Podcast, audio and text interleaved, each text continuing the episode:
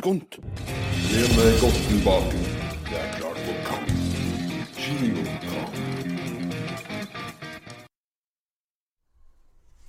Hello! Kenny P is in the house, og velkommen til Kinokampen. Dette er kanskje årets siste kinokamp, så vi skal gå gjennom en skikkelig episke spørsmål i dag. Blant annet eh, årets beste blockbuster-film, mest skuffende film i 2017, årets morsomste komedie og årets film i det hele tatt. Yes, dette blir episk.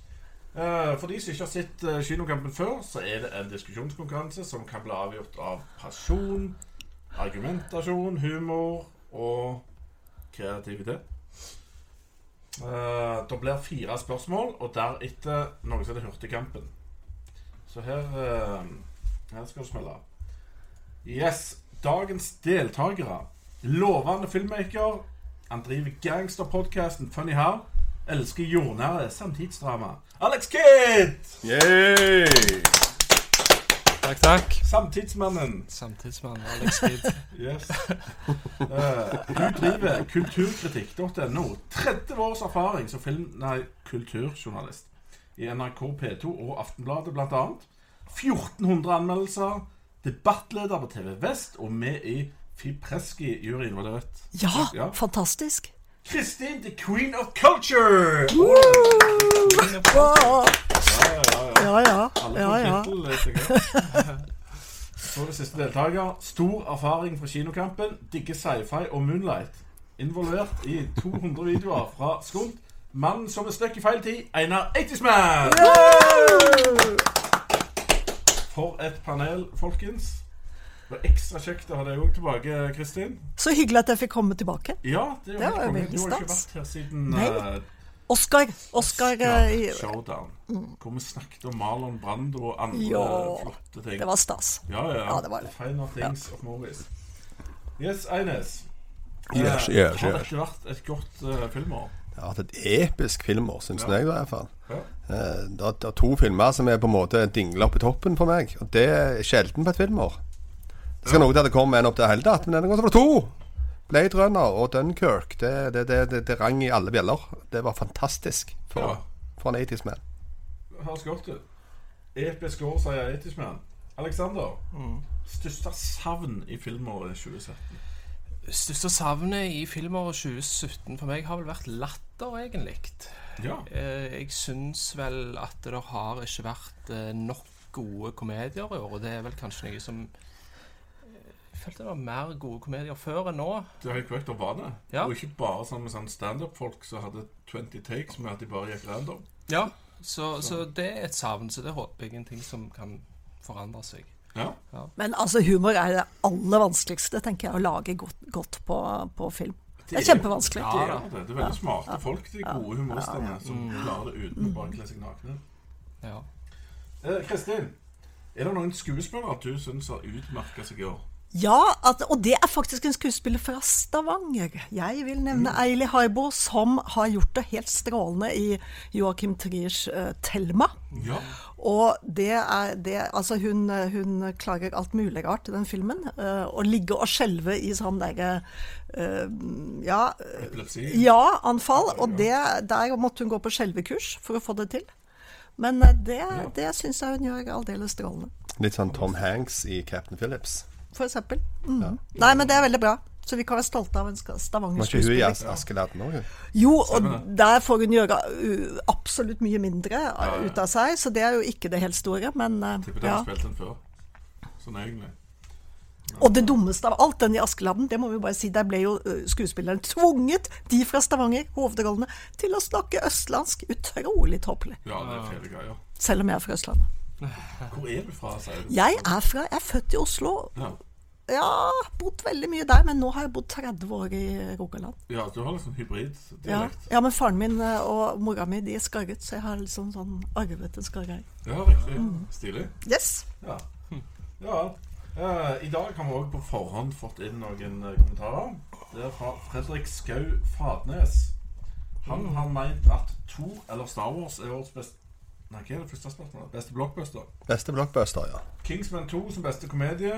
The Square eller Thor på tredje tingen. Mest skuffende. mest skuffende? Og så var det The Square eller Raw på beste film. Han var, han var uenig med seg sjøl Ja, han valgt Square på skuffende og og beste. Så Uh, Bjørnar Fjelde har valgt årets film. Det er Wind River. Er det noen som har sett den her? Har ikke sett den. Thomas sitter her. Ikke jeg har. Tekni, Thomas, teknisk er bra? Thomas. Veldig bra. Ja. Så har dere fått et spørsmål fra Arild Helgeland òg, som lurer på om dere kan flytte mikrofonene litt vekk fra. OK. Han har gjort det med. Kristin sin. Ja. ja. Fra ansiktet. Jeg Min er ikke foran ansiktet. Jeg ser bra nå. Men jeg må bare støtte han som sa at The Square er en knallbra film. Så det syns jeg Plutselig skjønte jeg Den burde jo vært med i diskusjonen i dag. Ja. ja. Ja, riktig. Har ikke sett Eller så Ellers har vi Robin Kjernsmo, som mener at årets mest skuffende nok er 'Snømann'. Der mistenker jeg det er noen tjeningsmenn her i studio. Eh, og så har Filmfrosk kommet med et spørsmål. Årets største mismatch, mismatch mellom kritikere og publikum. Eventuelt bare en film som noen i panelet syns at kritikere ga for mye slakt. Eller skøyt? Ja, jeg syns jo at uh, kritikerne ga altfor mye skøyt til Blade Runner 2049. da. Det skal vi komme tilbake til. Det skal vi komme tilbake til. Dette Det, det syns jeg. ting kommer til å brenne og sprenge her i dag. Andre som har innspill der. Nei, jeg vet ikke helt, jeg. Det er en mismatch ute og går mellom Sta- eh, på Star Wars, som nettopp har kommet ut, mellom publikum og uh, Rotten Tomatoes. Der kritikerne er på en måte bånn gass, mens en publikum er litt mer lunkne. Oh, ja. Så det, ja? Så er det litt uventa at du har en dypp ned publikum på en sånn type film. Men altså, jeg må jo faktisk da foregripe diskusjonen og si at det er også en mismatch mellom eh, hva kritikerne mente om 'Snømannen', og hva publikum mente om 'Snømannen'. Fordi kritikerne var jo utrolig sinte og hadde enorme forventninger, og toer og ener og jeg veit ikke hva. Men det får vi ta etter hvert. Ja, riktig. Ok. Men ellers, dere som ser på, dere kan kommentere underveis. Så tar vi det på slutten av sendinga. Eller dere kan kommentere under videoen. Så tar vi det bare etterpå. Yes, er vi klar? Fit for fight, people? Yes. Ja. Yes. Tør ikke ta den store. Ok, Spørsmål 1. Årets beste blockbuster-film. Blockbuster er jo en fellesbetegnelse på underholdningsfilm for alle typer ting. Einar, 80's Man.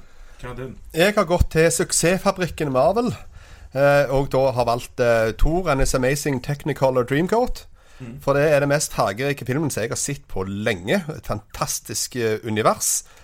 Vanvittig kule planeter og karakterer. Jeg lo hjertelig og godt, og jeg koste meg gjennom hele filmen. Det var en kjempe popkornopplevelse. Det var to Ragnarok. Einar ble distrahert når han så mye farger. Kristin, hva var din? Ja, altså jeg vil faktisk i dette mannlige universet, som, som veldig ofte blockbuster er, og ikke minst tegneseriehelter er, komme med Wonder Woman. For det fantastiske med den, det var jo at her har du ja, så å si et feministisk ikon som stiller opp som den sterke, som også har masse følelser, fordi hun eh, lurer på hvem er det egentlig som skapte krigen? Er det liksom Ja, hvem er det som kriger? Og hun prøver å redde menneskene fra denne fryktelige krigen. Jeg syns Wonder Woman, Woman var den beste blockbusteren. Kristin Aalen har gått for uh, sterke kvinner. Alex? Ja, eh, jeg har jo òg gått til suksessfabrikken Marvel. Eh, og i en eh, sjanger hvor det kan være veldig mye formelaktige ting, så har det siste kapittelet i Wolverine-historien har de virkelig gått helt nye veier og sprengt ned dører med filmen Logan. Det mener jeg er den desidert beste blockbusteren. Dere kommer til å smelle, folkens. Da er vi i gang. Det er bare å fyre løs. Ja, altså jeg mener jo da at Thor Ragnarok Jeg kan være enig med deg at den var morsom. Ja, det er gøy. Men samtidig så er det faktisk noen i den filmen som ikke klarer å holde det nivået med humor. Ta eksempel han eh, Tom Hiddleston som Loke. Han sliter jo skikkelig med å være morsom, mens de andre, sånn Mark Ruffalo som Hulk og, og Chris Hemsworth eh, som, som uh, Thor, de klarer det ganske bra. Men altså, det er et eller annet som halter der, rett og slett. Jeg syns ikke filmen er så veldig morsom, egentlig. Jeg eh, syns at det var en karakter som skilte seg ut som morsom i den filmen. Det er han steinmannen. Det er en, eh, en, new, en kiwi, en New Zealander, som har stemmen til han. Det er regissøren regissøren, regissøren selv. Han var veldig morsom, syns jeg. Da lo jeg. De andre tingene så føler jeg sånn Det starter med at når han er i denne kjettingen og spinner rundt, og så skal det være litt sånn denne eh, greier der, men det, det, det er aldri så løye at jeg begynner å le. Og jeg, og jeg tror det er en ting som jeg føler med det, Begge deres filmer syns jeg er veldig formelaktige, og de de er ganske like på mange ting. Altså Begge filmene syns jeg har veldig sånn endimensjonale, ansiktsløse villains. Eh, og hvis du tar eksempel denne din, da, som skal være en film om en feminist, så tenker jeg at da burde den vært mye mer sånn som min film er, som noe helt nytt innen sjangeren. Din blir mer en litt sånn Game of Thrones, eh, spiller litt på de vibbene der. Eh, 300-type ting. Eh, og, så, er det ellers egentlig ganske likt alle andre superheltfilmer. Min det handler om ting som jeg syns er mye mer relaterbart for meg som seer, med en person som er helt utbrente. Han, er, han orker faen ikke være superhelt lenger. Ja, altså, du, han er, er jo- så sliten. Og, og, og det er en ting som Har du vært sykemeldt eller et eller annet sånn som det, så er det noe som du kan investere deg i på en helt annen måte, syns jeg. Men jeg syns at actionscenene, ja, de er godt laget, men de er, det er en gjentagelse og gjentagelse og gjentagelse av disse Wolverine-knivene som kommer igjen og igjen og igjen og igjen.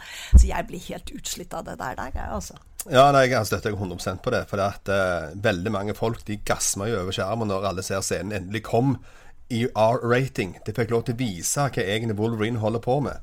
Og det fikk på en måte en sånn en utløsende effekt for mange som går til å vente på dette her mange. Som gir en del mer plusspoeng enn det egentlig fortjener. For uh, action i den filmen er ikke noe særdeles god eller spennende eller ny. Det er det, som du sier, det er på en måte et sånn oppgulp av tidligere filmer, det de har gjort der. Men nå kan de på en måte smøre inn blod. Og da sitter fansen med Oh yes! Og jeg syns også at det som er fantastisk med um, Wonder Woman, det er Og jeg tror faktisk at den ikke kunne vært laget på samme måte av en mannlig regissør. For det Patty Jenkins klarer, det er jo å um, få henne til å være en tøff og stilig og sexy dame, men samtidig hun skjules mer, for hun har stadig denne svarte kappen. Slik at en mannlig regissør ville utnyttet dette her kroppslige uh, sexsymbol-ikonet mye mer, men det klarer Patty Jenkins å avstå fra. Jeg Syns egentlig det er utnytta allerede bare i castings eh, her. Fordi at de har valgt ei dame som da er en modell og veldig nydelig.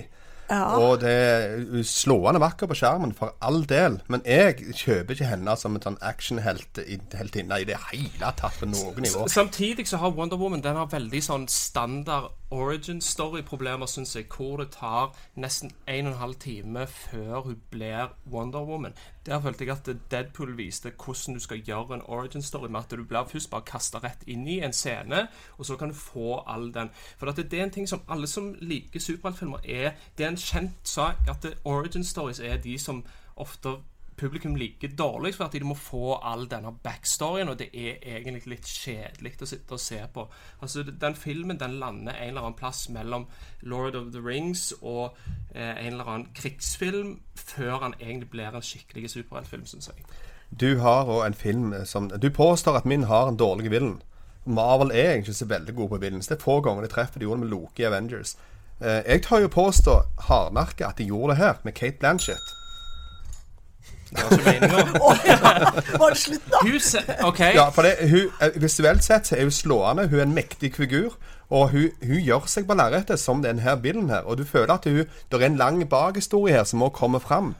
Det er på en måte en link inn til hele verden med henne. Så hun er på en måte ikke ansiktsløs, eh, generisk skurt som en blir hevet inn i en sånn kampscene på slutten. ikke like dårlig som den som er i henne, som er en sånn CGI-villain. Det er jeg enig i. Men allikevel så er det jeg For meg så ser en så god skuespiller som Kate Blanchett eh, i en sånn rolle som det, det syns jeg ble nesten litt pinlig. Og det blir nesten sånn der påklistra sånn der emo, eh, svarte klær og Det her har med ditt og- forhold til superheltfilmer å gjøre, Alexander. det, det er sånn det er. Eh, Du kan ikke, Men det- du det- kan ikke ta samtidsdrama inn i superheltfilmer. Ja, sånn tydeligvis så er. kan du det, da, med Logan. Men altså, det jeg mener som Men du har jo ikke en villain der som er interessant. Men det jeg jo, mener- det har du absolutt. Poenget her er jo at villen er jo han sjøl. Det er jo han sjøl som er hans største fiende. Og det har de gjort så genialt med å få en kloning av han som han kjemper med. Og det syns jeg er I en sånn superheltfilm så er det så sykt fett når de klarer å bruke sånne metaforer som det. Men det jeg syns om begge disse kandidatene deres, det er at eh, det er nummer tre-filmen av begge, begge mm, historiene. Og det som jo ble sagt av veldig mange anmeldere i løpet av det året som gikk nå, at nei, dette har vi sett før. Nei, dette har vi sett før. Dette er de er for like seg selv. Og Wonder Woman kommer da inn med et nytt image, denne kvinnelige hovedrollen. Og det, ja, det syns jeg vi skal stemme for. Jeg synes det er, der synes jeg, jeg er ikke enig, for det er eneste som er annerledes med din film, er at det er ei kvinne. Ja, er ikke det fantastisk? Det er jo det Jo, som er sjeldent. Veldig flott, og jeg syns det er veldig fint Har du noe imot det, eller, Aleksander? Alexander? Ingen, ingenting imot det. Veldig fint at du får inn feminisme, alle disse tingene. Men det hadde vært så mye bedre hvis det var en helt annen type film, sånn som min er. Jo, jo, men det Din er jo Ta for eksempel på slutten. Begge deres filmer slutter helt likt. Det slutter med en showdown, og så skal de eh, liksom akkurat til å gjøre noe, og så kommer det en flashback, hvor i din så er det at han ser eh, Odin som sier noe til han, og i din så er det noe med kjæresten som sier til han. Det viser bare at det er veldig formelaktig. Mens i min så dør han jo. Ja, det er jo skamkjipt.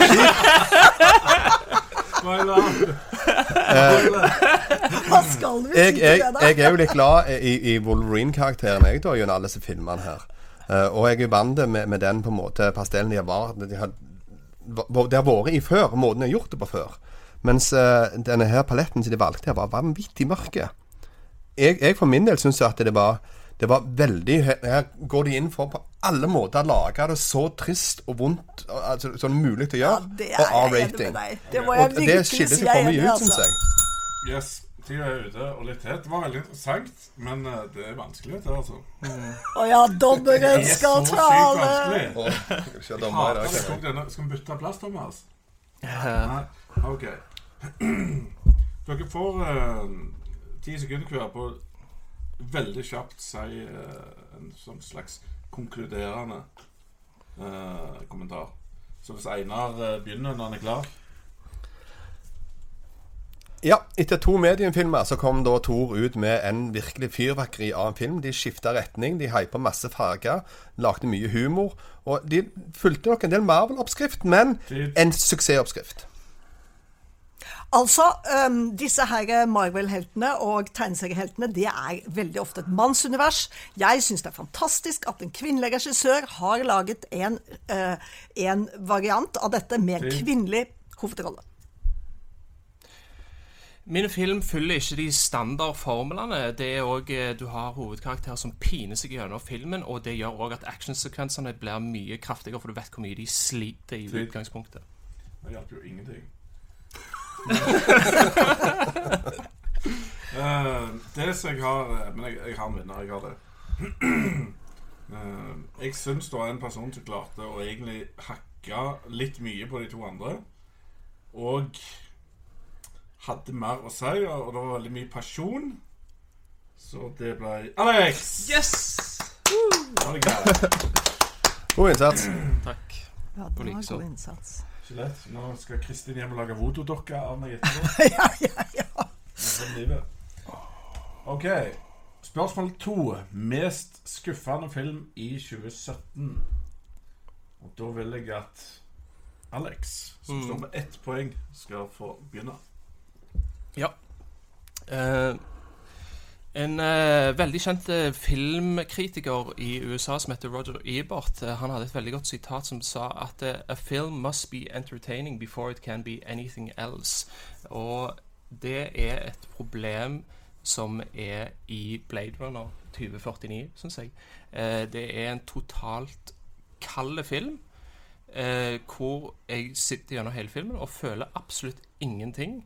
Eh, så for meg så, så skjønner jeg ikke hvorfor den har fått den praisen han har gjort, og det var en veldig stor skuffelse for meg.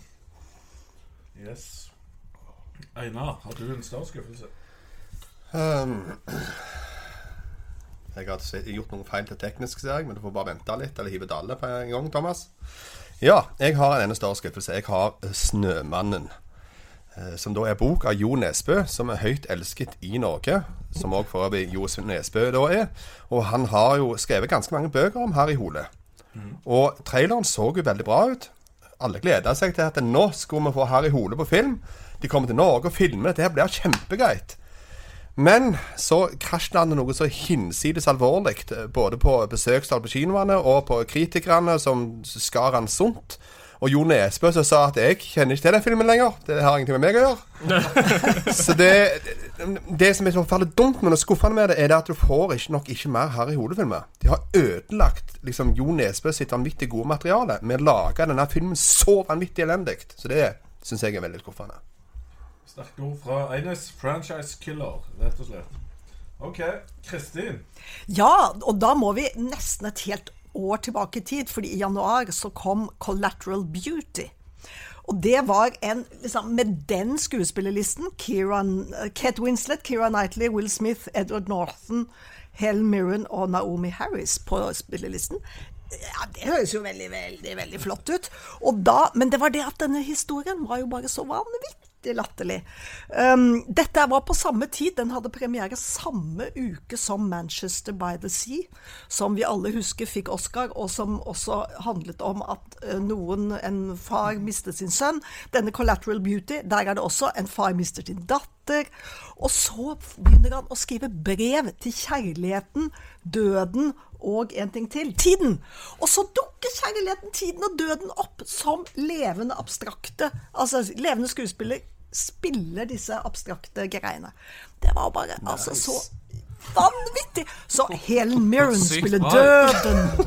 Keira Knightley spiller kjærligheten. Og det er så pompøst og det er så latterlig at det var liksom bare sorgen jeg ga den en ener. Oi, oi, oi. Liten fun fact om den. Jeg Ja. var så snill og inviterte min gode venn Alex her på pressevisning til å være Ja. med og se den. Ja. Eller til, til å være med og se Manchester by the Sea. Og så fikk jeg til en kontrabeskjed av uh, SF Kino at Nei, det var Collateral Beauty som skulle vises isteden. Så bare sendte jeg kjapt melding til han. Alex, det ble den heller.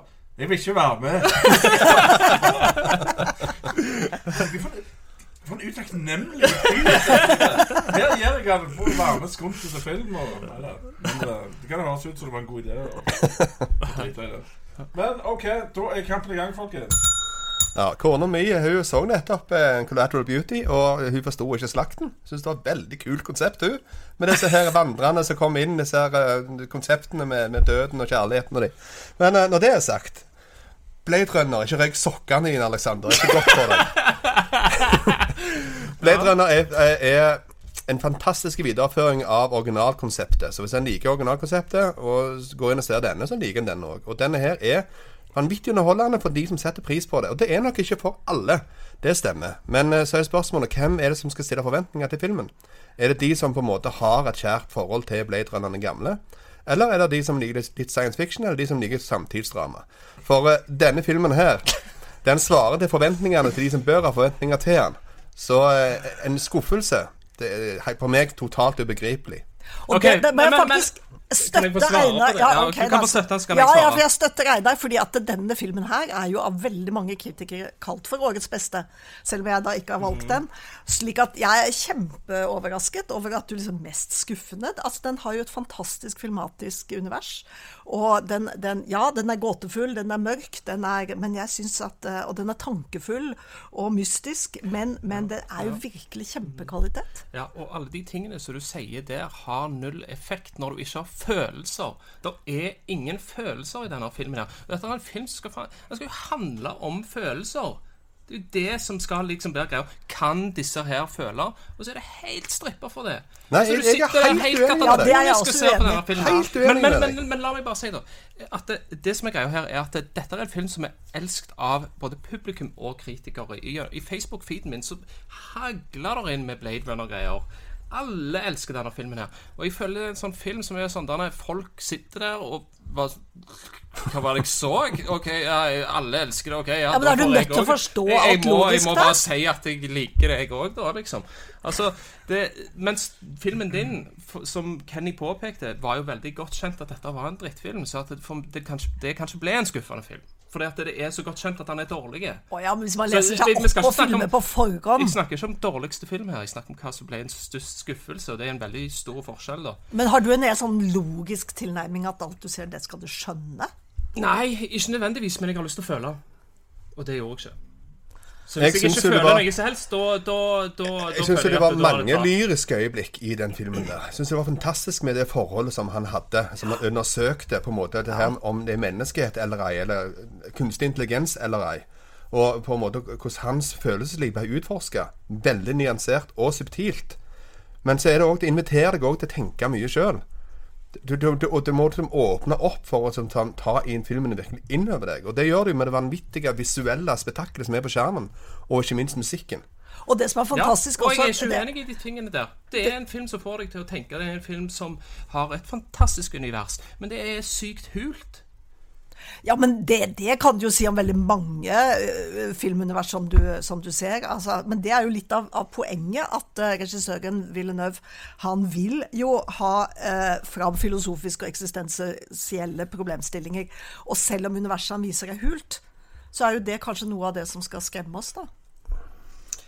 Jeg tror at han bare er hul, rett og slett. Og så kommer han her med denne filmen her, og så er det noe sånn potensiøst vås, hvor han prøver å virke veldig smart, men så egentlig så er han ikke så smart. Men any day of the week så ser jeg potensiøst vås over bare vås, som Snømannen er. Det, det, det, er, det, er Jo, jo ikke håp for. altså Du kommer også også ta min, min skuffelse i senk ved å vise til kona di. Du må jo ha et argument selv. Altså Jeg mener at Collateral Beauty sammenlignet da samme uka med Manchester by the Sea, som virkelig klarer å vise hvordan man eh, kan bearbeide og forholde seg til det at eh, en nærstående barn i familien dør. Men det der tullete med abstraksjoner, man skriver brev til døden og kjærlighet Nei, det var jo bare Men altså, jeg, jeg forventa jo null ting til den filmen der. Det her er jo eh, Will Smith er jo en, en figur i Hollywood. Sant? Og det er han som får stable på beina en del Ja. rare ting her. Han er på en sånn masturbatorisk eh, overlevelsestur i sin egen lille sinn som gjør at sånne filmer kommer. Og jeg vet at han er der nå.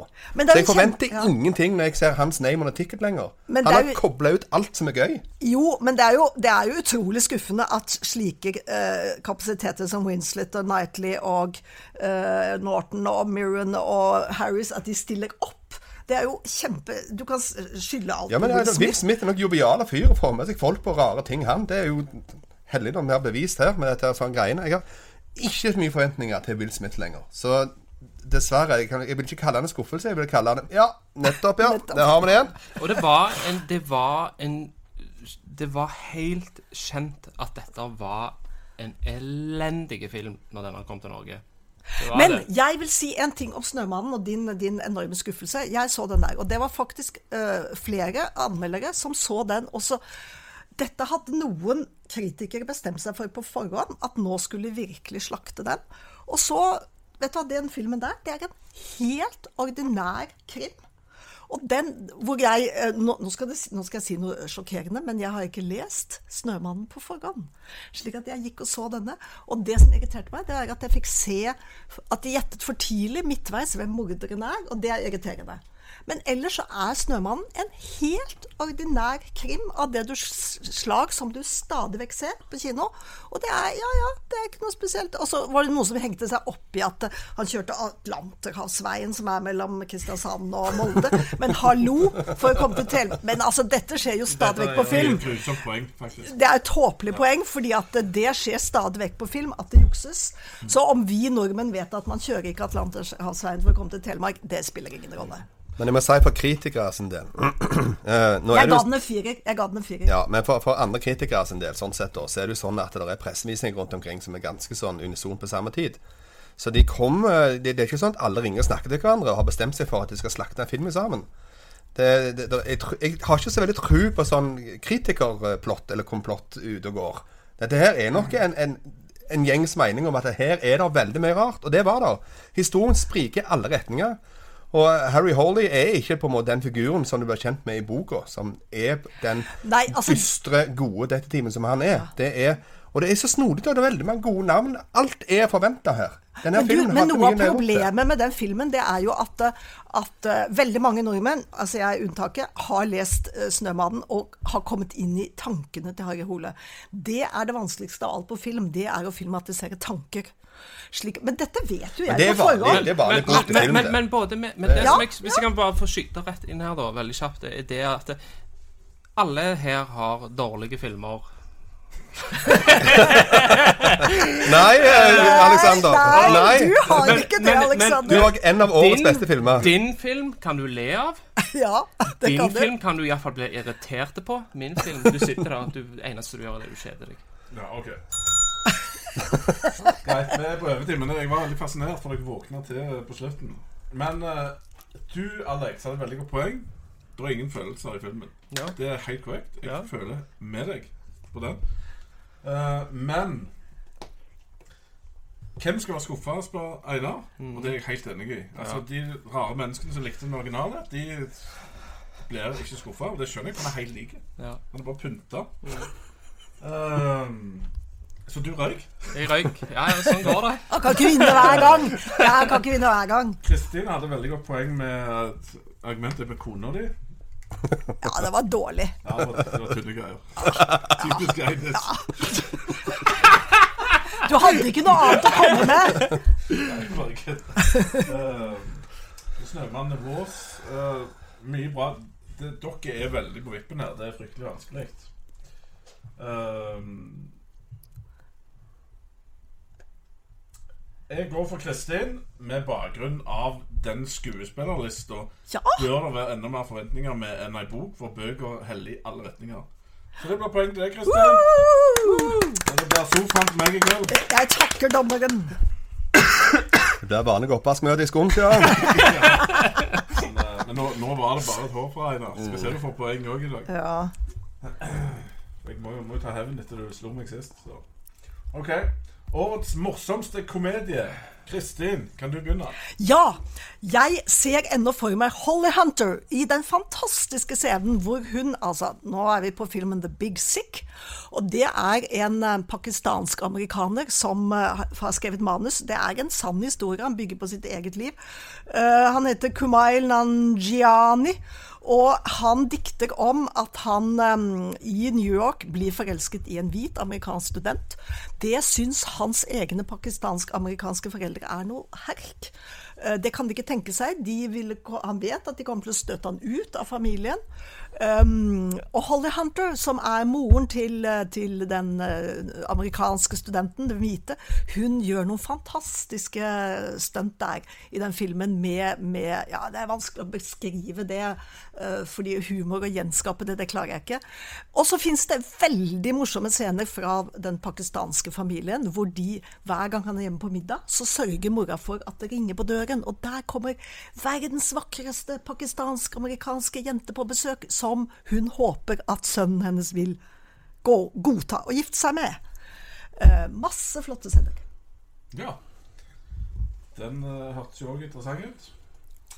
Uh, Alex, Ja. hva er det morsomste vi har fått i år? Ja, det, da har jeg gått til Netflix i år for å finne det som jeg syns er det morsomste. Det handler om ei dame som heter Ruth, som har blitt tråkka på hele livet. Eh, og så får hun et innbrudd en dag hvor hun tar kontakt med politiet, og de gidder ikke gjøre en drit. Og da har hun fått nok. Nå er det på tide at jeg må steppe opp og eh, ta tak i ting. Og da får hun hjelp av eh, en eh, nabo som heter Tony, som er fantastisk morsomt spilt av Elijah Wood. Det er I don't feel at home in this world anymore. Riktig. Einar? Ja. Jeg har valgt noe litt utradisjonelt. Fordi at jeg har valgt en uh, film der er veldig mange rare, veldig kule karakterer i. Uh, som da er Logan Lucky, med Channing Tatum og eh, Adam Driver. Danny Craig i en fant- ikke en beste rolle. Det her er da, Nå er det ikke bare sånn kjip, dritsure James Bond. Her er han en virkelig sånn southern eh, criminal guy som du aldri hadde forventa av en Han engelskmann. ser veldig rar ut. Ja, han er ja alvorlig rar. Piggsveis, piggsveis, var det ikke det? Og Seth MacFarlane som cowboy. Eh, Du har en vanvittig kul persongalleri, og du har en sånn forviklingsran på gang. Veldig stil à la Olsenbanden, men modernisert opp til dagen. Og det er en vanvittig god film for hele familien. En skikkelig kosefilm. Veldig kule karakterer. Og en god del komikk. Ja. En god del komikk trengs for å kåres årets beste. Ja, men det jeg sliter med med den der eh, Lo- Lo- Logan Lucky, det er jo det at de er så vanvittig dumme dumme, så jeg blir helt så flau over hvor teite de der to brødrene er, spilt av Channing Tatum og Adam Driver. Så jeg bare vrir meg. Jeg syns Daniel Craig er, er veldig stilig, altså. Det må jeg si. Men, men, men for øvrig så syns jeg altså Dette er litt sånn rutinemessig Steven Sutherberg. Måten han klipper og måten han Det er sånn Ocean 11 Det er Ocean 7-Eleven, kan du si. Så jeg veit ikke. Nei. Men, det, men nå må vi huske på her Ok, jeg kan være den første til å si at eh, jeg syns alle disse tre filmene er bra. Jeg liker alle filmene. Men spørsmålet her er hvilken film er det som er morsomst? Og i eh, Logan Lucky syns jeg er dritgøy. Jeg storkoste meg når jeg så den filmen. Og det var så fett å se Soderberg tilbake etter mange, mange år eh, i den stilen. Men det var ikke en film som jeg lo så mye av. Nei. Men jeg kan ikke huske at jeg lo så mye av din heller. Hva? Nei. Har du ikke sånn humor som meg? Nei, kanskje ikke. Altså, I min film så har du sånne helt sånn helsprø øyeblikk. Altså, Elijah Wood i filmen min er eh, altså objektivt morsom. Altså, Nei, det fins ikke noe som heter objektivt!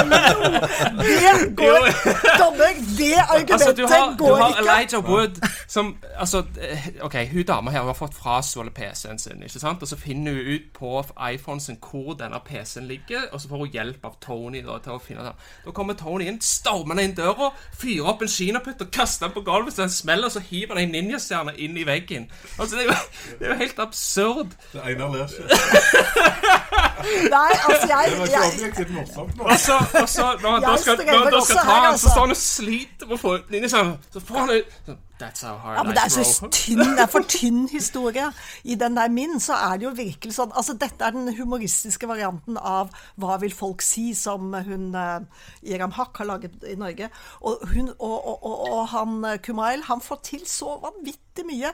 Altså, eh, eh, sånn, som, sånn som de eh, oppfører seg, disse her foreldrefolka. For at disse her unge ikke skal finne hverandre. Jeg syns det er kjempebra. Om et veldig alvorlig og vanskelig tema. Nettopp. Det er det veldig som er det gode. alvorlig, veldig vanskelig, Nei, de ikke så veldig morsom. Altså, det, Hva, var temaet da? det handler temaet mer er- som Kan du som pakistansk-amerikaner Kan du gå hen og, og være kjæreste med en hvit student i USA? Og, være, ja, og gifte deg til og med? Ja. Altså Det mener jo familien til pakistaneren at det kan han jo ikke. Ja. Men så skjer det jo masse forviklinger, og så klarer eh, Ja, det går jo bra til slutt, da. Ja, Humor er, Nei, er det er det ikke! Hallo! Uansett hva Alexander sier, det, så er humor særdeles subjektivt. Det er nå sånn det det var det dårligste argumentet. Objektiv sannhet. Takk. Men, men Logan, Logan Lucky er, er likt av ganske mange eh, rundt omkring. Ja, Og, meg òg. og det er en. Og jeg syns jo Jeg personlig liker veldig godt når de har klart å så få sånne rare karakterer til å fungere sammen i en film. For her har du vanvittig rar persongalleri. Det har du i min òg. Har du det? Jeg har bare hørt Ja, om en du som går og kaster kinnet på du du har jo hele den der Men Du du har jo hele du den har- der gangsterfamilien. Ja, men du har, du har, du, de trekker det jo ut i ekstremene. Det er jo det de gjør. Eh, på hver og en av dem. Du har noen som er altfor dumme. Du har noen som er veldig sånn stilistisk eh, badass eh, gangster amerikaner. Og det blir veldig løye pga. Danny Craig, som du tror på en måte skal egentlig være James Bond. Så dermed så får du sånn motsetningsting som er veldig kult. Bare med en gang kom på først bare ser han komme inn der, tilbake, What the hell's going on? Du får liksom ut av kroppen-opplevelse. Men du får Det ikke stadig den der følelsen kan Hvor jeg dum ta kan man bli? Jeg tar en til scene uh, fra min, da. Det er når da, da er det han eh, Tony da som skal liksom finne ut noe sånn informasjon på nettet. Så han liksom sånn det sånn Yeah, you just do this and that and that. Så er han akkurat sånn Han er sånn Samuel L. Jackson i Jurassic Park, liksom den dataeksperten. Sånn som det. Så det, det, det, det, You just gotta know the internet of computers and bla, bla, bla, bla. Og så skal han bare gjøre et Google search, da. Så det er liksom sånn Det er veldig har gode punchline på ting. De klarer å bygge det opp. Og det, for meg iallfall, det får en latter. For Men- deg, ja. men, Men hva er morsomme scener i filmene deres? Jo, Holly Hunter. Altså, denne hovedpersonen han er en standup-komiker. Og en kveld så han holder sitt show på en kafé eller utested, og så kommer Holly Hunter og mannen, som er foreldrene til denne her amerikanske kjæresten. Og, og er publikum. Og så plutselig så er det en annen hvit i publikum som begynner å rope ting. Ja, hva, hva syns du om eh, 11. september? Til han som pakistaneren som står på scenen. Da blir Holly Hunter, den hvite moren, rasende og flyr på han her. Det er vanvittig. Og han, hun blir så forbannet. Og det er, det er kjempegøy. Det er kjempegøy. Holly Hunter er en, en terrier. Men det er litt Ja, nå, har jeg, sånn- nå har jeg blitt Nå, spurt nå må spørsmål. Einar ta meg veldig kjapt, for nå er vi ute. Ja. Eh, noe morsomt på min film Ja, altså Noe som jeg syns er veldig kult, det er jo når at de er på baren, som de er i disse her. De henger til vanlig. De havner i bråk. Og han eh, kommer inn og tøffer seg greier. Og det ender jo opp med at de bare får skampryl. Og det, det er sjelden på film at heltene virkelig får pryl. Og så har du den koselige armen til han eh, Adam Driver som forsvinner i hytt og gevær. Som òg er på en måte det- er løye hele tida. For det at enten skal han ha det så du får en, en erstatning som ikke kan bruke engang. Sånn håpløse. Nei, det- det er mye veldig bra komikk. Yes. Ok, Jeg har en eh, vinner som både hadde person og kreativitet og eh, hadde mange scener fra sin film. Og man får ekstra poeng for at han har lært oss om eh, objektiv. Objektiv humor. Så jeg gir den til Alex. Er ikke du også sjokka nå? Nei, jeg, jeg bryr meg ikke. Jeg, jeg, vet, jeg vet jo at eh, når, når Kenny er dommer, så er det sånn. Oi, oi, oi, oi, Se oi. pasjonen på gutten. Oi, oi, oi, oi, oi. Ja, nei, det er ikke det. Ok. Årets film. Einar. Hvis du gidder. Ja, nei, jeg får manne meg opp og ta en siste innsats før jeg er meddommer. Eh. Jeg har da valgt eh, noe så episk som Dunkerque. Jeg var på pressevisning eh, tidlig om morgenen og så denne filmen her og ble blåst inn i stolsetet av en vanvittig krigsfilm som har vist krig på en ny måte som jeg ikke har sett før.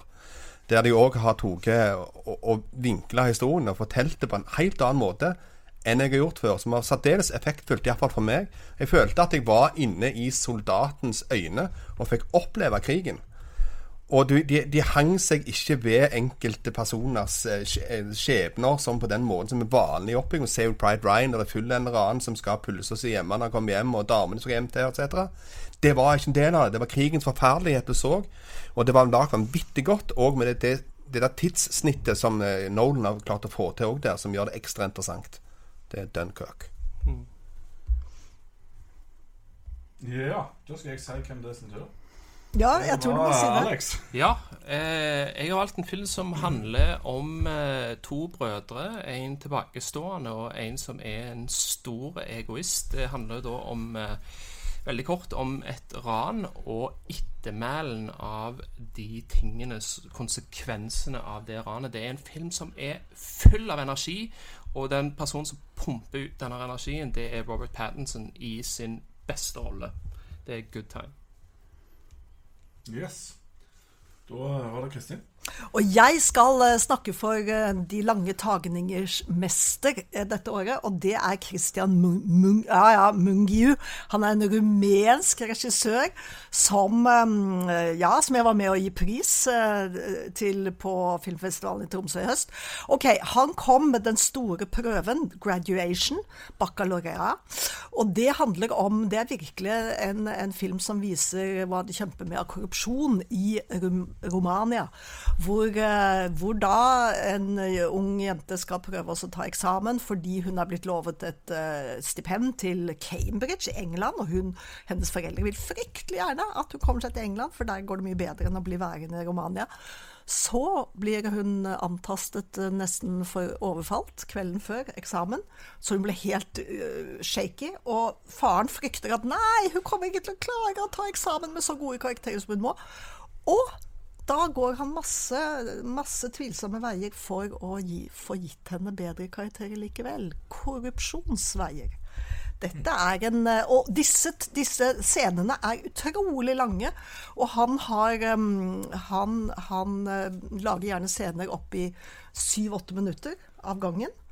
Eh, så skuespillerne må absolutt kunne alt. Og han tar dem gjerne opp igjen 20-40 ganger til han blir fornøyd med resultatet. Fantastisk.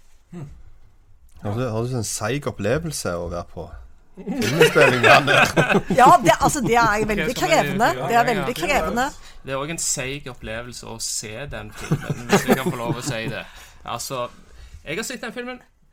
Veldig god film. Yes, greit. Men altså, å si at det er den beste filmen i år Da syns jeg at den har litt lite fokus på underholdningsverdi i film, faktisk. Altså, dette er en, det er en arthouse-film. eh, som Ja. tar for seg eh, veldig viktige temaer og sånn som det, men det er ikke en film hvor eh, Men nå var, det liksom- ikke, nå var det ikke den morsomste filmen vi snakket om. Nei, vi skal ikke snakke om den morsomste. Men, men, men jeg, vil, jeg vil nå si at det som skal være årets beste film Altså, en film skal Må få deg den til være til å, at du skal- sitte og le av den en film skal få deg til å tenke og føle. Ja, du skal tenke. Tenke og føle. og føle. Ja. Og i din så blir det nok mye mer tenking enn føling, vil jeg si. Eh, Men jeg vil si at om din film, ja, den der som ja. heter Good Time, Ja. og hvor det hvor absolutt ikke finnes noe good time i hele filmen, den er helt forferdelig. Og, det, Mm. og det som er så utrolig ekkelt, som er den bismaken man får når man ser den filmen, det Mm. er at regissøren og skuespillerne de bruker svarte personer i den filmen, som kom, flettes på uforutsigbart vis inn i handlingen, Mm. til å være sånne, ja, så å si sånne statister som det går utover hele tiden. Nettopp. Og Den det er, veldig, veldig, og det er et veldig tydelig politisk budskap Å, ja. i den filmen der. Det går gjennom fra at de tar på seg svarte masker når de gjør ranet, til at ja, som du sier, det går veldig hardt utover eh, svarte i den filmen, og det er noe som jeg mener tar pulsen på USA akkurat nå. Ja, Eh, Det syns jeg var litt kunstig å vri det til det. altså. Jeg, det, du overbeviser meg ikke. Jeg syns dessuten men- du, du tidligere sa at 'jeg føler ingenting'. Den filmen Jeg, jeg ble bare fly forbanna av å se den filmen. Jeg syns den var helt håpløst. Men så har du eksempel da i din film hvor eh, hvor du snakker om at det er syv eh, minutters tagninger og disse tingene her, mens eh, Jo, men det sier hva-. Hvilken betydning har det? I min film så blir det iallfall filma på en måte eh, i ekstreme close-ups som gjør det veldig ubehagelig. Du snakker om at det er ubehagelig. Ja, det skal være ubehagelig å se den filmen der. Det er et eh, soundtrack som bare det er, helt, det er helt jævlig. Men poenget er at det skal sette deg inn i den desperate situasjonen som hovedkarakteren er i. Og det er ikke en sympatisk person, det er en utrolig egoistisk person. Men det er det som er det- Han bare så dum. Han er ikke dum. Nei, han er ikke det. For jeg, hvis du tenker på det, dette er en person som prøver å tenke framover i tid hele tida.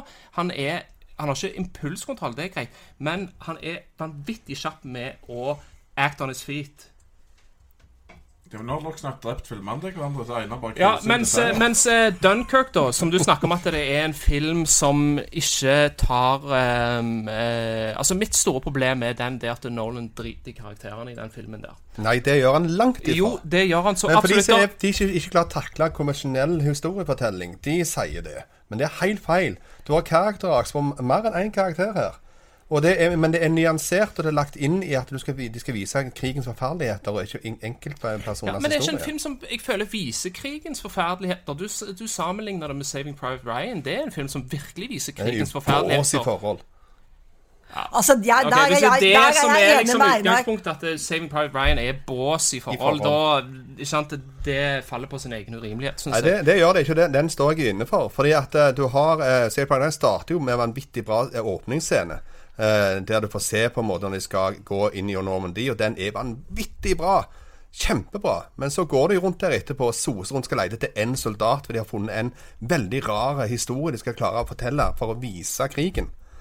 Og Dermed så er det på en måte ikke helt Men nå er det ikke egentlig 'Saving Private Ryan'. Men Nei, vi skal Nei. snakke om Dunkirk, hvor det ikke er noen karakterer som en kan bry seg om, for at en aldri blir kjent med karakterene. Karakterene har ikke engang navn i den filmen. Jo, men man kan jo si at det i hvert fall tross alt er den, den britiske soldaten, illustrert av alle disse forskjellige soldatene som kjemper for å komme seg vekk fra det helvete som det er på stranda der.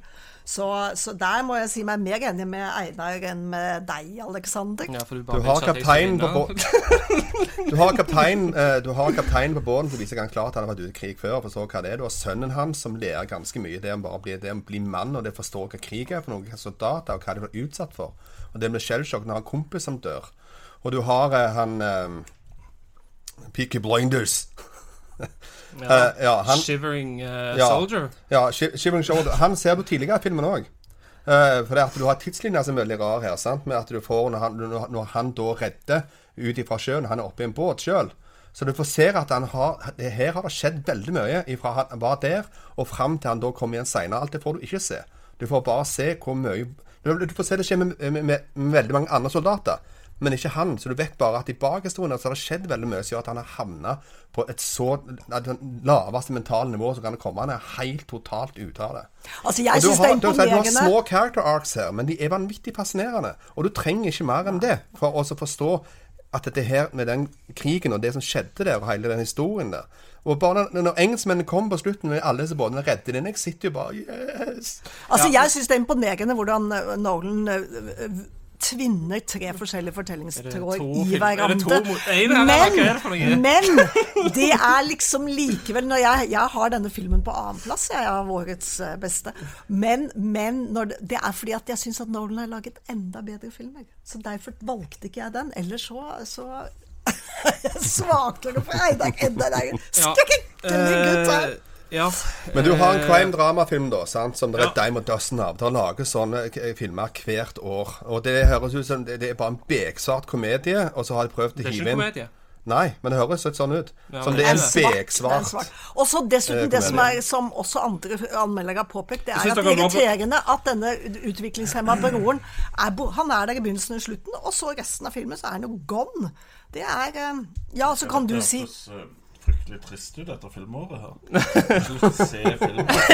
Ingen av de filmene jeg har lyst til å se eh, lenger. ja, Har du ikke sett noen av disse? Jo da, men uh, altså, jeg Se er jo nøytral her. Ja, Ja. ja. Og Men, som, eh, som nye seere nå, så ville jeg ikke sett noen av disse filmene. OK, men jeg får utfordre dere da. Altså, rolletolkningen til Robert Pattinson i filmen min, hva han gjør med kroppsspråk, hva han gjør med øynene sine, det har jeg omtrent ikke sett siden Dog Day Afternoon Ja, men det er så irritert på figurene hans, og det er akkurat sånn som du sa Men, om det, men Blade det, det Runner. ser jeg ikke i deres filmer. Det ser jeg ikke. Ingenting av det. Men, Men- det er veldig lite. Men eh, min Altså- film er ikke en karakterstudie som går virkelig inn på en person. Nei, han går man kan ikke sammenligne det på det nivået. Men hvis, hvis det er det du ser etter, det er det du vil ha, så får du det sikkert levert i din film. Men det er ikke det min film er. Min film er noe helt annet. Nei, men jeg han synes- kommer med noe nytt. Ja, han kommer han kom- og spennende. ja, ja, og veldig fantastiske ting å Det er ikke vanskelig på. å komme med noe nytt. Det er bare til å stille opp et kamera og filme en vegg. Altså, Det er ikke vanskelig å komme med noe nytt. Nei, men han gjør noe nytt er... som er bra og spektakulært. Og det er det ikke alle som får Jeg synes syns at din er veldig karakterløse, og det gjør da at en blir ikke så investert i det. Og det gjør òg at en får ikke fram krigens forferdelser. Det som er det beste med Dunkerque, det er, er disse flygescenene. Så da blir det en film som blir redusert til en flight simulator, omtrent. For, for noen så gjør det her en veldig polariserende film.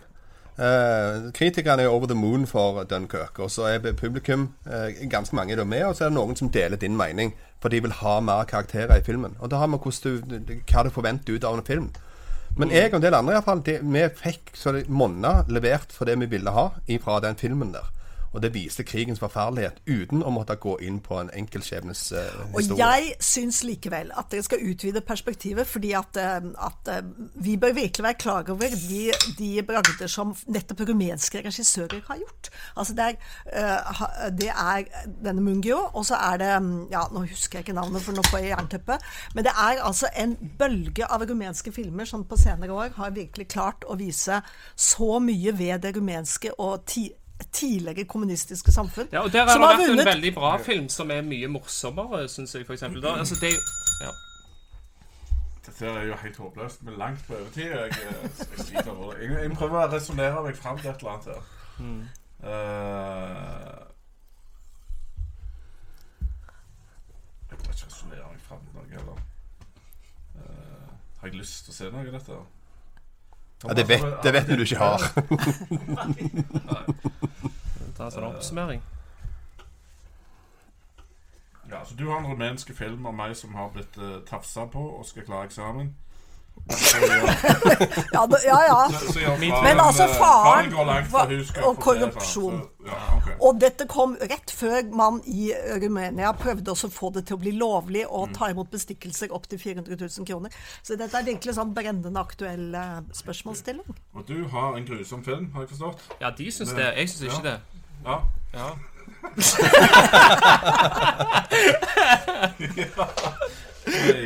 Om noen var vanvittig teite. Det var så kjekt i begynnelsen av kinokampen. det er det. Så er filmen til Einar, så jeg er sånn personlig uenig i en del argumenter. Men det kan jeg ikke ha med i vurderingen. Eh, Men eh, du hadde meg eh, ganske lenge, iallfall, Einar. Helt til uh, Private Ryan-greiene. Jeg går for Kristin. Ok. Den store prøven Ja, det er det vanlige. Jeg er vant med deg, så det går fint. Du har aldri fått null poeng. Det er en helt ny ting. Ja, ja, jeg tror jeg har fått det òg, så det, jeg er vant med det. Det er sånn det skal være i Skogn Men hva i all verden er det som skjer nå? Nå vet ikke jeg hva som Nei, skjer. nå er nå er det vi-. Nå er det sånn du har to poeng, han har to poeng. Eh, Jeg er ute av det. ja, Einar er en er meddommer. Og så er saken at nå kommer det et spørsmål. ja ja, det var det. Jeg skjønte Også, det. Ja, og den som svarer først med sitt valg, den skal da ha 20 sekunder å Ja, ja. si Skjønte seg det. Jeg Og da er det 10 sekunder å svare. det var dere er sånn Nei, dette Jeg husker ingenting. Nei, nei, nei. Det, Så det var Jeg håpet jeg aldri skulle havne i denne situasjonen. ja, da ser du. Det ser du. Livet er hardt. Å, er det bra? Kan ikke du bra? være sufflør, da? Skinne på. Det går nok bra. Skal vi se. OK. Du reiser med en Flying DeLorean tilbake 25 år i tid. Disse filmene har premiere på kino i desember 1992. Hvilken vil du gå på? Forever Young med Mel Gibson og Jamie Lee Curtis, Elijah Wood med director Steve Miner.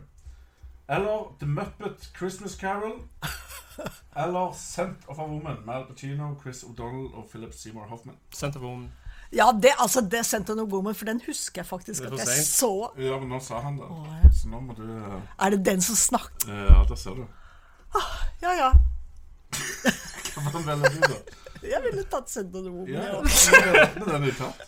Så da må du ta en annen. Å ja, da må jeg ta en annen. Ja. Oh, ja, da vil jeg ta Mel Gibson. Da vil jeg selvfølgelig ha Mel Gibson. Å, Mel Gibson. Han Ja, er men, Muppets. ja, altså jeg vil, vil jo heller se en film med Mel Gibson for å, for å, for å liksom eh, Ja, få opp igjen hvordan var det han så ut da i 1992. Stemmer det. Ja. Nei, men da har du 20 sekunder på deg, Alex, fra når du sier nå.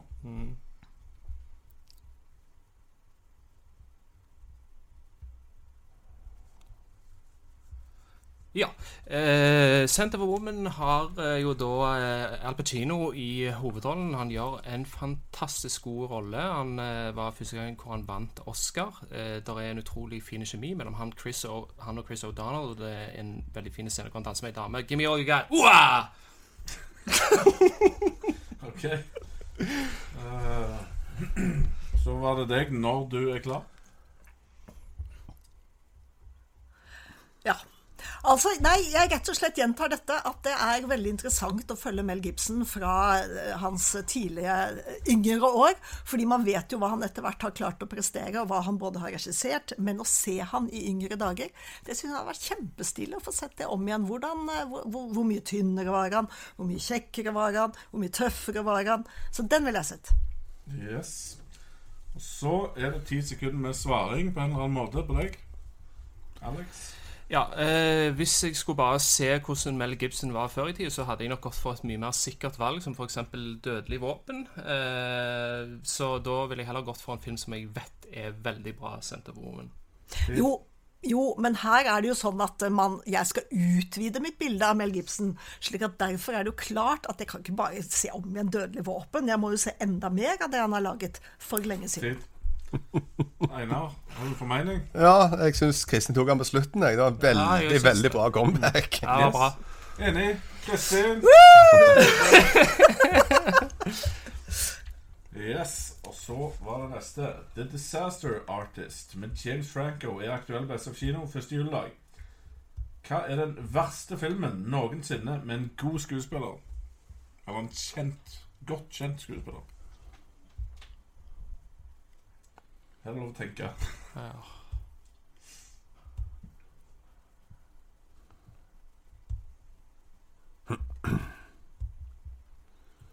Åh, det var vanskelig. Ja, ja, ja, ja, ja, ja det er Å, men hva het den? Brad Pitt i en film hvor han blir veldig tidlig um, påkjørt og dør. Og så Anthony Hopkins med der også. Men hva het den filmen? Meet your Black. Den var jo bare så vanvittig forferdelig. Ja, Meet Joe Black på Kristin. Uh, jeg velger um, Dirty Grandpa med Robert De Niro. Ja. uh, dette blir nice. OK, Kristin, når du er klar Ja, jeg er klar nå. Altså, jeg bare husker at det var bare så utrolig tåpelig, fordi at der var Brad Pitt så kjekk og så tøff, og så hadde jeg Å, hva skal skje med han? Og så pang, pang, pang! het. Og der var fyren død.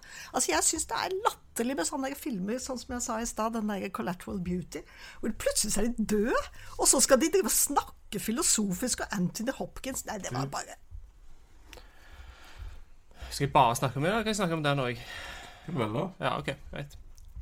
Altså, Meet Black er jo en film som eh, var veldig godt likt av mange i sin tid, og mange liker den den dag i dag. Dir eh, Dirty Grandpa med Robert De Niro, så pisser han virkelig på sin karriere. Det er helt krampaktig å se Robert De Niro i den rollen der. Eh, det er helt utrolig at han har spilt i den filmen. Ja, men alle skuespillere har jo en dårlig dag på jobben, så, så jeg vet ikke, jeg. Um, jeg syns det var mye verre med Brad Pitt og Anthony Hopkins i denne vanvittig teite handlingen. Meet Joe Black så har du iallfall et sånn dramatisk eh, tilsnitt i filmen. Der er liksom folk blir følelsesmessig investert. Dirty Grandpa er bare en stor vits. Typ. Egentlig skremmende lite som fortalte meg hvorfor han var den verste, annet enn eh, en liten på slutten med at han var en stor vits. Altså, jeg Ja. Ja. Nei, altså, han sier Han sa at han, han eh, Det var et eksempel Den, den filmen her han, han bokstavelig talt pisser på sin egen karriere, Ja. og at han er Han er bare dårlig. Ja. Men han sa ikke hvorfor. Nei, men det sa jeg ikke Kristin heller. Annet enn at det er drit når Brad Pitt dør. Ja, og, og så at de på en måte skal snakke om filosofiske ideer. etter At det er fremme her Anthony Hopkins. Hun sa én ting. Eh, Han sa at det var veldig dårlig. Sa litt mer. Ja, nei, jeg er ikke helt enig. Jeg går for Alex. Yes. 3-3. 3-3. Og spenning. Ok. Kamp 3. Dwayne The Rock Johnson er aktuell med Jumanji, Welcome to the Jungle. Beste The Rock-film. Nå har du spurt i Tourette. Oi. um... Film er et bredt uh, bred, bred kunst. Den første han laget. Den første The Rock-film, men jeg husker ikke tittelen. Det er et Scorpion problem. King. Ja, ja, ja. Ja, jeg, jeg husker jo ikke tittelen på den filmen, da, men der er en der han spiller med Kevin Hart. Han kom ut for halvannet år siden. Og Er det Get Hard? ja. Get Hard. Nei, Det var med Will Ferrell, det. Get Ja. Hard var med Will Ferrell. Ja. um, da mener det, men det er FBI-agentene. ja. Ja, jeg husker ikke hva heter. Undercover eller et eller annet lurt. Ja. ting. Kan du sjekke det opp, eller? Ja. Ja, det er bra at du kommer på det. da Vi sitter og tenker. Ja. Ja. Sliter litt. Central Intelligence. Ja! Ja. Central Det er nesten Get Hard. Central Intelligence velger jeg. Yes, da var det Kristin. Ja, altså Det er jo klart at det er den første, The Scorpion King, som er den beste. fordi at da var alt nytt. Da var det liksom fantastisk å se ham. Da var eh, eh, Dette var jo et helt nytt uh, susjett, og, og det gjorde inntrykk. Eh, Etter hvert så ble det jo en gjentagelse. Det ble jo det samme igjen og igjen. Tid. Ja, eh, altså The Rock han er jo en svær muskelbunt, og han er best når han får lov å være litt morsom, sånn på samme måte som Arnold Schwarzenegger har vært. Og det får han lov til i Central Intelligence. Eh, der er en god del festlige scener med han og Kevin Hart i den filmen der, så jeg syns at den er mye bedre enn det greiene der. Det greiene der! Altså sånne foraktfulle replikker som liksom prøver å bare si Ja, det- der. Nei, det, det det var ikke noe godt argument, men, eh, og det, jeg tar meg ikke nær av det engang, for alle hører jo at det er et dårlig argument. Nei, det var nytt, den The Scorpion King. Å, Dwayne Johnson eh, Ja. Ja. Har du ti episke sekunder Alex? Jeg vil bare påpeke at jeg har eh, sagt det at han er god når han er morsom, og det er han ikke i Scorpion King. Og det holder ikke at det bare er nytt. Jo, men han er jo muskelmannen. OK. Det, er sjelden har jeg vel hørt folk som har mindre forhold til The Rock. Men uh, Ja, den syns jeg var enkel nå, ja. ja, jeg, jeg syns det var Alex. Han sa noe. Stemmer det. Så det var ganske grei. Den var grei. OK, 4-3. Ok. Du er i tilbudsboksen på Europris. Disse klassikerne ligger på tilbud. Hvilken kjøper du? Ben Hur, Moses eller Spartacus? Ben Hur.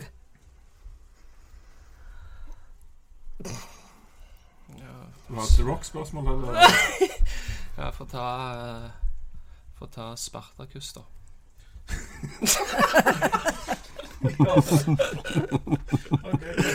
Ja, men dette er jo, er jo den store 60-tallsfilmen, har jeg rett? Ja.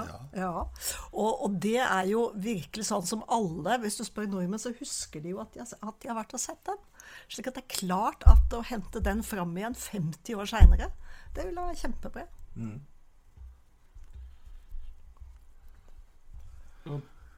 Det var tid. Å ja, jeg kunne snakket mye mer. Ja, ja. Kunne det. OK, Alex. When ready. Ja. Eh, Spartacus har jo utrolig mange flotte kampscener i seg, da. Og det er jo ikke like bra som de sier gladiator, men at det har en viss komisk effekt. For at det, Kirk Douglas ser så sykt ut som han egentlig er i 60-tallet, så han satte sånn romerske tid, så det blir litt morsomt. da OK. Så var det dine siste ti sekunder når du var klar? eh, Kristin? Ja, ja, altså den, den Ben Hur er jo virkelig en klassiker som tar alvorlige ting eh, Som ikke, ikke forsøker å være morsom, men det skal den heller ikke være. For det er seriøse, store problemer. Alex? Begge filmene er egentlig litt drit, sånn at det er bedre å se Kirk Douglas og bare le litt. Takk. Ja vel.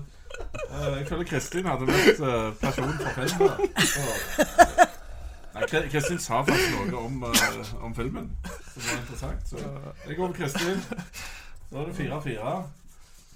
OK. Harald Svarts 'Den tolvte mann' er rett rundt hjørnet. Beste Harald Svart-film. One Night at McCool's. Ah, da husker jeg jo ikke titler, altså. Man burde jo egentlig ha fått linet opp titlene. Det er jo problemet. Ja, det kan du si. Fordi at um, øh, Det var Karate Har du ikke et annet eh, spørsmål, Kenny? Har du et spørsmål til? Jeg kan line det opp, for så vidt. Nei, men Ja. Har du et spørsmål eh, utenom det? Jeg bare spør. Har du et, et, et, et, spørsmål nå, eller er det tomt? Jo, jeg har et til, men det er ikke sånn litt generisk. Nei, for det, i teorien så har han bare en god film. Sånn eh, helt egentlig, har han svart. Ok. Så det blir litt sånn vondt. Det var den jeg valgte. Ja. Sånn er det med kurs, ja. Ja, nei da, men eh, Ja, lange er flagger bare. Ok, ok. Beste film med en farge i tittelen.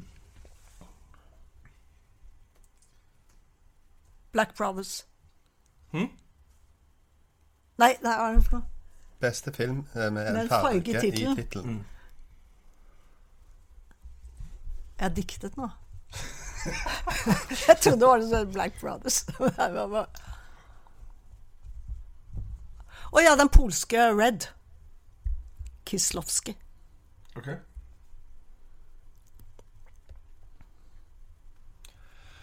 Uh, da velger jeg en film som heter Green Room. Ja. Når du måtte være klar, Kristin, så har du 20 sekunder på å begynne rundt seiers... Uh, Ja, altså den store eh, regissøren Kislovski, han laget Red og Blue, og så en til. Og dette er eh, kunstfilm på høyt nivå. Um, ja, det, det og den, de vakte enorm oppmerksomhet da de kom, som jeg ikke nå husker, er det 80-tallet? Eller er det 70-tallet? Uh, med veldig flott musikk. Alex? Green Room handler om et eh, punkband som skal holde en konsert i et nynazistlokale. Og så kommer de inn på et rom hvor det ligger en fyr død, og de låser seg inn og de blir omringet av nynazister. Det er en ekstremt intense film. Nervepirrende. Eh, hun har egentlig valgt den dårligste av de tre, syns jeg. Blue er den beste. Tid. Og så er, hvis jeg nå husker Nå må dere arrestere meg. Det, jeg håper jeg husker rett når Juliette Binoche er det som, er, eh, som spiller i den. Og det, Nei. nei. Hvem var, hvem er den kvinnelige Juliette Binoche spiller i uh, den første Blue. Å ja, søren. Ja, jeg skulle valgt Blue, da. det er i hvert fall. Gratulerer. Takk, takk. Men som hevn, så kan, eller, eller som revenge Nei, hva heter det? Ja, så vil jeg gjerne stille et nerdespørsmål til dere alle. Ja. Og det er sånn Ja, i den siste Star Wars-filmen så spiller Andy Serkis Han spiller den onde skurken. Han er også den som spiller Gollum i eh, Ringenes herre. Hva heter den første filmen Serkis har regissert, som kom på kino i høst? Det er ikke Det er ikke Star Wars nerdespørsmål, for å si det sånn. Nei, nei, nei, nei. Det var kanskje ikke det. Eh, jeg vet jeg fikk med meg det eh, nå nylig, men det har slippet helt ut igjen. Men jeg har fått med meg at det Kunne var en film. bjelle, men eh, jeg vet ikke. Vet Nei. du? Breathe. Og alle sa 'å ja'. Nei da, vet du hva, det, det skjønner jeg godt at det ikke er så lett å vite. Men det var morsomt å skrive sånne anmeldelser hvor det var flere som kommenterte det. 'Å ja, det er Andy Circus Gollum som er regissøren'. Nei, den var sånn litt både og. Den handler om en mann på, for 50 år siden som eh, ble Han, han, han blir lam på grunn av hva da?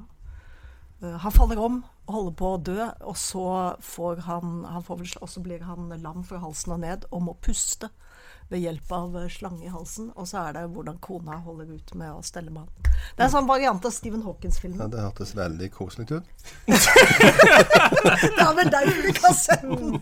Er han med sjøl, liksom? Nei, han er ikke Han bare er okay, Så han har godt gått i skistolen. Ja. ja, ja. Oi, oi, oi. Ja, ja. Thomas, har du eh, fått inn en kommentar? Ja, helt sikkert. Eller er det ikke Dette er skal vi finne da. Jeg skal finne det sjøl da. Ja, jeg fant. Ja. Ja. Bjørnar Brumlebass sier 'Culture Queen'. Godt med litt faglig tyngde i skunt. ja. Det var på tida. Ja. Vi holder ikke mål. Du verden. Adam har vel valgt Dunkirk.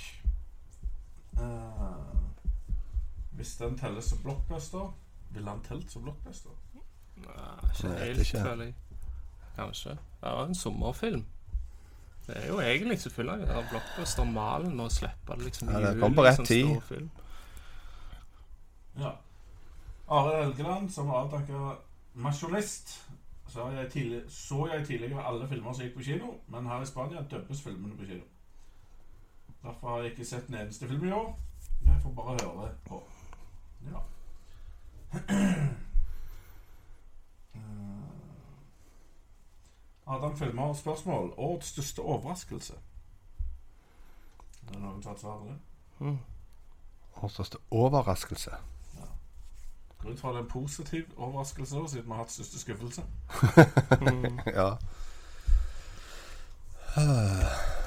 Eh, For meg Altså, jeg syns jo Star Wars var en positiv overraskelse. For det Jeg forventa egentlig ikke at jeg skulle klare å gjøre noe særlig. Jeg. Det er Helt ærlig så trodde jeg at nå kommer de på en måte til å vase seg inn i et eller annet. Men jeg eh, klarte iallfall å levere Det er jeg faktisk enig i. Fordi at jeg også satt her og kommer mye av det samme. Jeg syns særlig de scen- scenene hvor han Circus er med, er, er veldig gode. Og Men man må ikke si for mye om Star nei, Wars nei, heller. Det er ikke alle som sitter der ennå. Jo, men det er lov å si at han Circus er med. Jo, jo, jo, for all del. Det må være lov å si. Det, det er lov å si han er med. Og han er en, eh, en figur som har noe å si i det universet. ja. Det kan du også si. Har du noen Nei, jeg kommer ikke på noe på stående fot. Nei. Jeg syns Spiderman var bedre enn jeg hadde trodd. Det skal han ha. Ellers, spørsmålet etterpå på Bjørnar Brumlebass. Har dere sett Thursday fra 1998? Den syns han var artig og kul. Eh, ja, Thursday. Ja. det har Det jeg. klarer ikke jeg å huske. Er han bra? Ja, den var ganske snodig. Det, du husker jo at han ble bundet opp på en stol av ei sånn modelldame som går rundt han der og holder på å plage han og sånn. Det var en s- snodig film. Men han, var, han hadde sin underholdning. Absolutt. Well done, Bjørnar. Fint du finner filmer. Han sier òg at Warren Beatty står bak årets overraskelse på Oscarshowet. Ja. Ja, det var en uh, saftig en. ja. Selv om det var ikke Warren Beatty, du kan ikke skylde på han, stakkar. Men ellers så er jo årets Men nå er vi litt utenfor selve filmen, men årets store sjokkerende greie, det er jo Harvey Weinstein og alt det han har startet. Ja, det har vært Han har veltet Han har tenk å velte Kevin Spacey ut av osv. The, the Misadventures of Harvey Weinstein. Ja. Og Vegard Selesås kommer med spørsmål. Hva tenker dere om at Disney punget ut for Fox? Ønsker dere å se Deadpool Wolverine med i Avengers-gjengen, eller er det best at de holder seg sånn som nå? Hva som er best? Jeg vet ikke. Altså, det har jo fungert bra som det med i Marvel-land nå, men, eh, men det er jo fordi de mangler rettighetene til, til Wolverine, blant annet, og sånn. Så jeg tenker jo at når de avslutter det greiene som de holder på med nå, med Infinity War og sånt, så går det sikkert et par år, og så starter de på et eller annet Avengers-greier på nytt, hvor da helt sikkert X-Men og de tingene der er med, så ja. Det er nok sånn det blir at vi vil eller ei, og det syns jeg er helt greit. Jeg har ikke noe stort forhold til det der Fox-Disney-greiene. Nei. Det bryr meg ikke så mye. Nei, jeg er bare sånn filmsnobber, så det er godt jeg kan svare. Eh,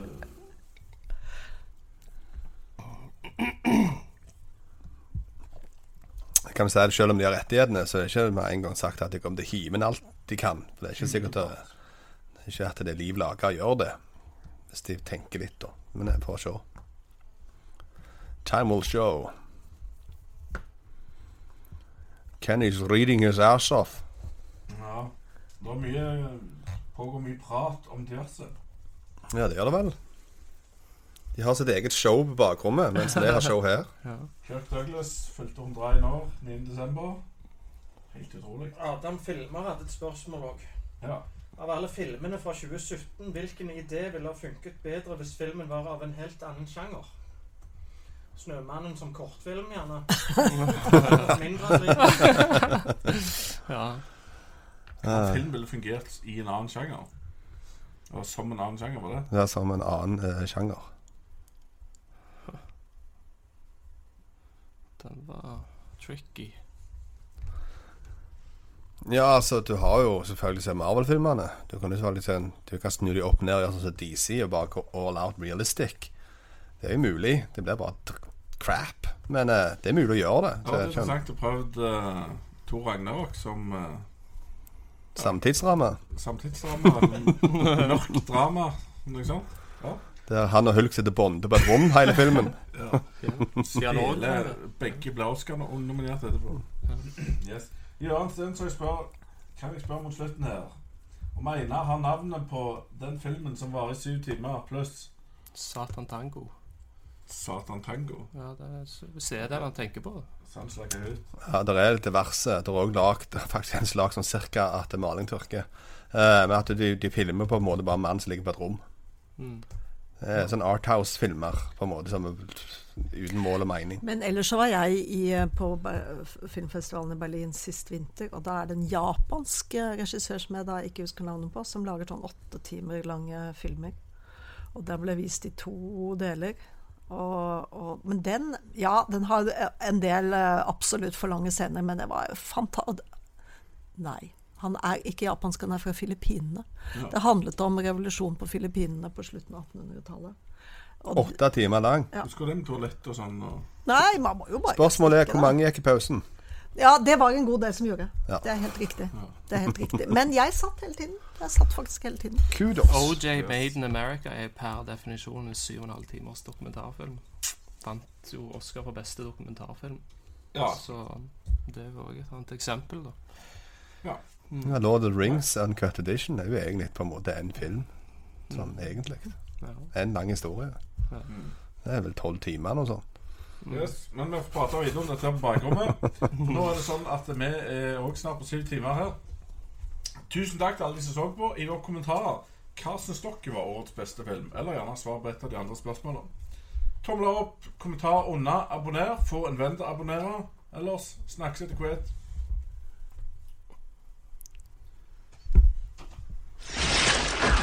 Would you like to know more? Den, den beste plottgjengen.